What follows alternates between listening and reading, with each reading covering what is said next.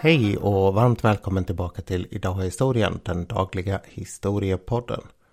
Jag heter som alltid Nils Hjort och medan jag lyssnade mig igenom den här märkliga gingen som jag fått ta och förklara någon gång så sa min hjärna till mig du måste nämna Palmemordet.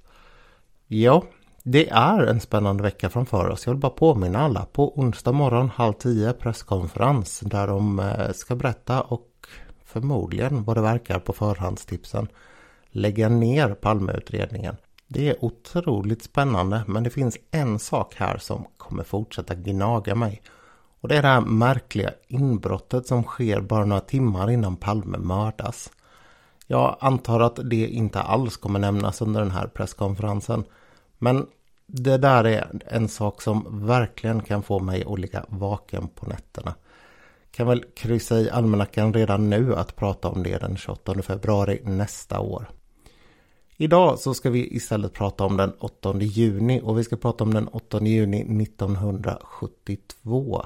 Då gjorde sydvietnamesiska styrkor ett bombangrepp mot staden Trang Bang som ligger ungefär en halvtimme norr om Saigon på vägen upp mot Phnom Penh.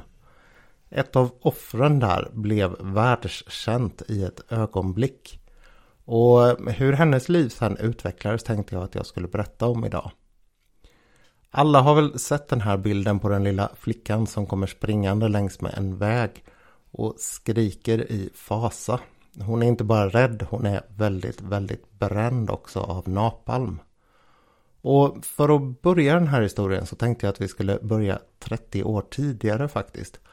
På Harvard-universitetet i USA. Det var nämligen där som man uppfann napalm. Och det är ju en upptäckt som man skryter betydligt mindre med än alla sina Nobelpristagare. Anledningen till att det heter napalm är att det består av tre komponenter. Två av dem är det som skapar det här extremt klibbiga. Och sammansättningen av deras kemiska namn låter som napalm. Eller man har satt ihop det så det blir napalm. Och när man för samman det här med antingen då bensin eller ibland diesel så får man ett extremt klibbigt material som dessutom brinner väldigt, väldigt ihärdigt. Temperaturen den ligger på mellan 800 och 1200 grader och det brinner dessutom längre tid än vad bensin gör. Så att det blir en förbränning om man vill förstöra så mycket som möjligt som är betydligt mer effektiv. En annan fördel med napalm ur ett krigsperspektiv det är att det går att rikta strålar med det. Så att i eldkastare så kan man använda det på ett sätt så att det inte bara blir ett stort eldklot utan att man kan skicka iväg en lång stråle. Och det här har också gjort att man kan använda det för att angripa folk som har gömt sig väldigt väl. För om man bombar ett område när någon har gömt sig då letar det här sig in överallt och rinner ner. Och även om man inte träffas direkt så suger det åt sig allt syre för att kunna brinna. Och dessutom så släpper det ut en hel del giftiga ämnen medan det brinner. Så det kan döda på flera olika sätt. Flickan på den här bilden hon heter Kim Fook och hon var nio år gammal när anfallet skedde. Hon hade tillsammans med sin släkt och familj gömt sig i en buddhistisk pagoda och det enda hon såg det var att fyra bomber var på väg mot henne. Sen blev allting bara eld. I det där stora eldhavet så brann kläderna av kroppen på henne och hon sprang ut och det enda hon kommer ihåg själv det är att hon skrek att för varmt, för varmt. Hon fortsatte ut på den här vägen som fotot är taget på. Och där möter hon en fotograf som heter Nick Ut. Det enda han ser när han tittar i sin sökare det är att hon kommer springande naken. Och han tar bilderna. Men när hon passerar så tar han ner kameran. Och då ser han hur hennes rygg ser ut och blir alldeles iskall av fasa.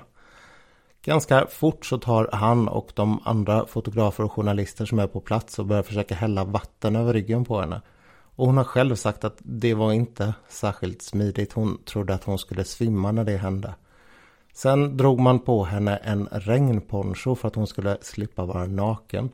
Innan man körde henne till ett sjukhus inne i Saigon. När de kom till sjukhuset där inne så räknade man med att hon skulle dö så att hon sorterades iväg till ett bårhus. Hon fick bli kvar där i tre dygn innan hennes familj hittade henne. Och märkligt nog så hade hon faktiskt klarat sig. Det borde hon inte göra faktiskt för att det var mellan en tredjedel av, eller hälften av kroppen på henne som var bränd med tredje gradens brännskador. Man lyckades dock fixa vård åt henne på ett amerikanskt sjukhus och att det betalades från en privat fond. Och Nick Oot han var hela tiden eh, medverkande i det här. Han följde hennes fall. Det skulle ta väldigt lång tid innan hon kom ut från sjukhuset och där skulle hon också få veta hur det hade gått med den här bombningen. Två av hennes kusiner som var spädbarn, de dog. Kim skulle själv opereras 17 gånger under de kommande 14 månaderna. Och det skulle ta hela två år innan hon kunde återvända tillbaka till sin hemstad Trangbang. Den här bilden blev under tiden världskänd. Precis som bilden på tankmannen som jag pratade om i den förra podden. Har du inte hört den så lyssna på den. Precis som den bilden så hamnade den här i tidningar världen över. Eh, det här kriget var ju till skillnad från andra världskriget och Koreakriget uppslaget på ett helt annat sätt av journalister och man eh, visade mer av våldet, mer av hur det drabbade civila. Och den här bilden inte minst bidrog till att ge kriget ett väldigt, väldigt dåligt rykte. Och det var en helt annan journalistik här, inte minst vad det gällde bilder och film. Nick, han skulle vinna Pulitzerpriset med den här bilden och han är faktiskt bara 12 år äldre än Kim. De två, kan jag berätta redan nu, har blivit livslånga vänner. Och han har på väldigt många olika sätt hjälpt henne genom åren. Och det är en hjälp som hon verkligen har behövt. De här skadorna, brännskador rent generellt, läker ju väldigt märkligt. Det blir väldigt, väldigt mycket ärrvävnad och den här ärrvävnaden, jag kommer återkomma till det senare, men den läker på ett sätt som gör att man dels blir väldigt orörlig och att man dessutom ofta får väldigt ont. För hennes del så innebar det att hon bestämde sig ganska tidigt för att hon hade blivit ful och att ingen någonsin skulle kunna älska henne. Så hon var väldigt inställd på att leva sitt liv på ett ganska ensamt sätt. Eh, åtminstone romantiskt. När hon blev äldre så bestämde hon sig för att läsa till läkare av den här anledningen. Och 19 år gammal så kom hon in på läkarutbildningen. Hon fick dock sluta ganska snart för att eh, den vietnamesiska regeringen den kom på att vi har ju en guldchans här vad det gäller propaganda. Så hon fick intervjuas väldigt mycket av press från hela världen. Och hon berättade då att hon hade problem med minnet och att hon hade väldigt mycket huvudvärk. Det här sades bero på att hon hade problem med körtlar efter brännskadorna. Själv så upplevde hon det till ganska stor del som att hon var tvungen att sluta studera för att det tog så mycket tid med alla de här intervjuerna och propagandaarbetena.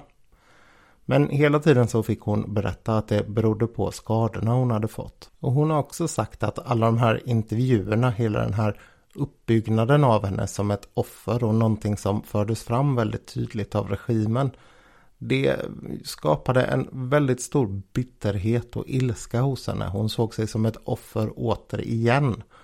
Bombningen såklart första gången, men sen det här utnyttjandet av hennes person som den, det andra offerskapet. 1982 så behandlades hon i Västtyskland. Men det gav inte riktigt så goda resultat som man kunde hoppas kanske. Hon hade hela tiden smärta i princip varje dag. 1985 någonstans så träffar hon Vietnams premiärminister och hon förklarar för honom att det funkar inte att göra alla de här intervjuerna. Hon kan inte användas på det här sättet hela tiden.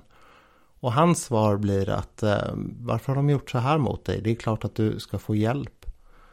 Och han ingriper till hennes fördel så hon får 1986 flytta till Havanna på Kuba och börja studera igen. Där träffar hon en annan vietnamesisk student, en man som heter Tuan. Det betyder perfekt och han tycks faktiskt ha varit det för henne. Hon som trodde att hon aldrig skulle finna kärleken gifter sig 1992. Och med tanke på att hon hela tiden rör sig i den här östblockssfären så är det inte så märkligt att de firar sin smekmånad i Moskva. På vägen hem därifrån så mellanlandar flygplanet i Newfoundland i Kanada. Och när de sitter där, eller på flyget, så förklarar hon för Tuan att hon kommer hoppa av. Hon kommer kliva av i den här mellanlandningen men hon kommer inte att kliva på igen och det vill hon att han ska vara beredd på. Han blir ganska chockad och säger att det går inte, jag måste återvända och ja, sådana här mm, kanske mer vardagliga saker som dök upp i huvudet. Hon förklarar att det finns ingen chans att hon skulle kunna göra det utan hon måste ha frihet nu. Och hon tror inte att hon kommer överleva om inte han finns där för henne. Och då säger han bara väldigt lugnt att vad du än gör så gör jag det ihop med dig. Och båda två hoppar alltså av där, på plats. I Kanada så får de hjälp av kväkare, en religiös grupp, kristen grupp som utmärker sig tydligt genom att ha ett väldigt kraftigt eh, samhällsengagemang. Den här hjälpen den passar Kim väldigt bra för under hela tiden som hon skickades runt mellan de här olika intervjuerna och propagandaarbetena i Vietnam så smet hon så ofta hon kunde iväg till bibliotek och satt och läste. Hon hade ju fortfarande kvar drömmen att få studera. Under sina läsesessioner så hittade hon eh, Bibeln och började läsa den en hel del. Och när hon gjorde det så insåg hon att den enda vägen till att få tillbaka sitt liv det var att kunna börja förlåta och att försöka hjälpa till att skapa fred och förlåtelse världen över. Och det passade henne väl dessutom av den anledningen att hon sökte någon form av mening med sitt liv. För hon hade insett att anledningen till att hon överlevde den här bombattacken och brännskadorna menar hon var att eh, Gud inte var färdig med henne på jorden utan att hon hade någonting mer hon behövde göra. I det här sammanhanget så ändrade hon också uppfattning om den här bilden som har följt med henne hela livet. Först så hade hon ju tyckt att den var hemsk därför att den hela tiden gjorde att hon utnyttjades som symbol. Och dessutom när hon tittade på den så kände hon det, säger hon, i kroppen som att det hände bara igår. Men i Kanada och i det här nyfrälsta eller vad man ska kalla det eh, sammanhanget så insåg hon att bilden var en gåva och en gåva som hon ville börja använda. Hon menar att det här är den bästa vägen att kunna resa runt i världen och på olika sätt tala för fred. Därför att det öppnar onekligen en och annan dörr att kunna visa den här bilden och säga att det här är jag och jag är ett offer för krig. En av de första sådana här föreläsningarna hon gjorde det var 1996 i Washington DC. Hon gjorde det vid eh, minnesmärket för Vietnamkriget och hon gjorde det faktiskt inbjuden av de amerikanska Vietnamveteranerna. Hon förklarade där att eh, det hela det handlade faktiskt om att kunna förlåta och att kunna skapa möjligheter för fred. En väldigt märklig sak inträffade där. Det var att en man, han berättade att det var han som var den amerikan som hade koordinerat hela det här bombanfallet. De två träffades efteråt och hon förlät honom. Det var en väldigt känslosam händelse. Men det har senare visat sig att den här mannen ljög. Han var inte alls där och det var inte alls han som hade eh, koordinerat det här anfallet utan han hade bara slitits med i den allmänna stämningen på det här mötet och ja, ljugit ihop historien. Kim har också blivit goodwill-ambassadör för Unesco och reser jorden runt och pratar på det här viset. Och hon har dessutom en egen fond som heter The Kim Foundation där hon på olika sätt hjälper till att stötta barn som har blivit offer för krig. Hon ser det som ett viktigt sätt att ge tillbaka för all den hjälp hon har fått. Och på tal om hjälp så 2015 så började hon en ny behandling. Det var efter att hon hade talat i en kyrka som det kom fram en man och sa att hans svärdotter var expert på behandling av R. Hon var läkare i Miami och han undrade ifall inte de här två borde kontakta varandra. Det gjorde de och den här svärdottern hon lovade att försöka hjälpa till. Och som jag sa tidigare så är ju det här med ärrvävnad en ganska udda sak som kan drabba kroppen.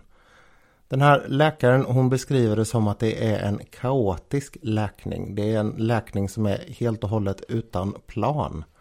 Och vad hon har kommit på att man kan göra med ärrvävnad det är att med laser ta bort lite lite i taget. Och när man gör det så tar man bort den här felaktiga läkningen och kan ersätta den med en läkning som sker på ett riktigt sätt. Det låter ju onekligen på ett logiskt plan rimligt men kan det verkligen fungera? frågar man sig. Jag fick leta lite och hittade faktiskt att det har gjort det. Från att i 43 år haft nästan daglig smärta och fått utveckla olika strategier för att distrahera sig när den har kommit så har hon långt ifrån fått ett smärtfritt liv men ett väldigt, väldigt mycket bättre. Hon har blivit väldigt, väldigt mycket rörligare och i den här ärrvävnaden eller ärrvävnaden som nu då har försvunnit så har det vuxit fram nerver så att hon har fått tillbaka känsel på delar av kroppen där hon inte haft den. Och hon har tydligen sagt att det är som bäst när hon kan känna sitt barnbarn greppa om hennes arm. Hon och Toan har två söner och bor idag i Ontario lite utanför Toronto. Det var historien om Kim Fook och hur det har gått för henne efter den här napalmbombningen av Trang Bang. Stort tack för att du lyssnade och jag hoppas att vi hörs imorgon när det blir något helt annat. Tills dess, allt gott!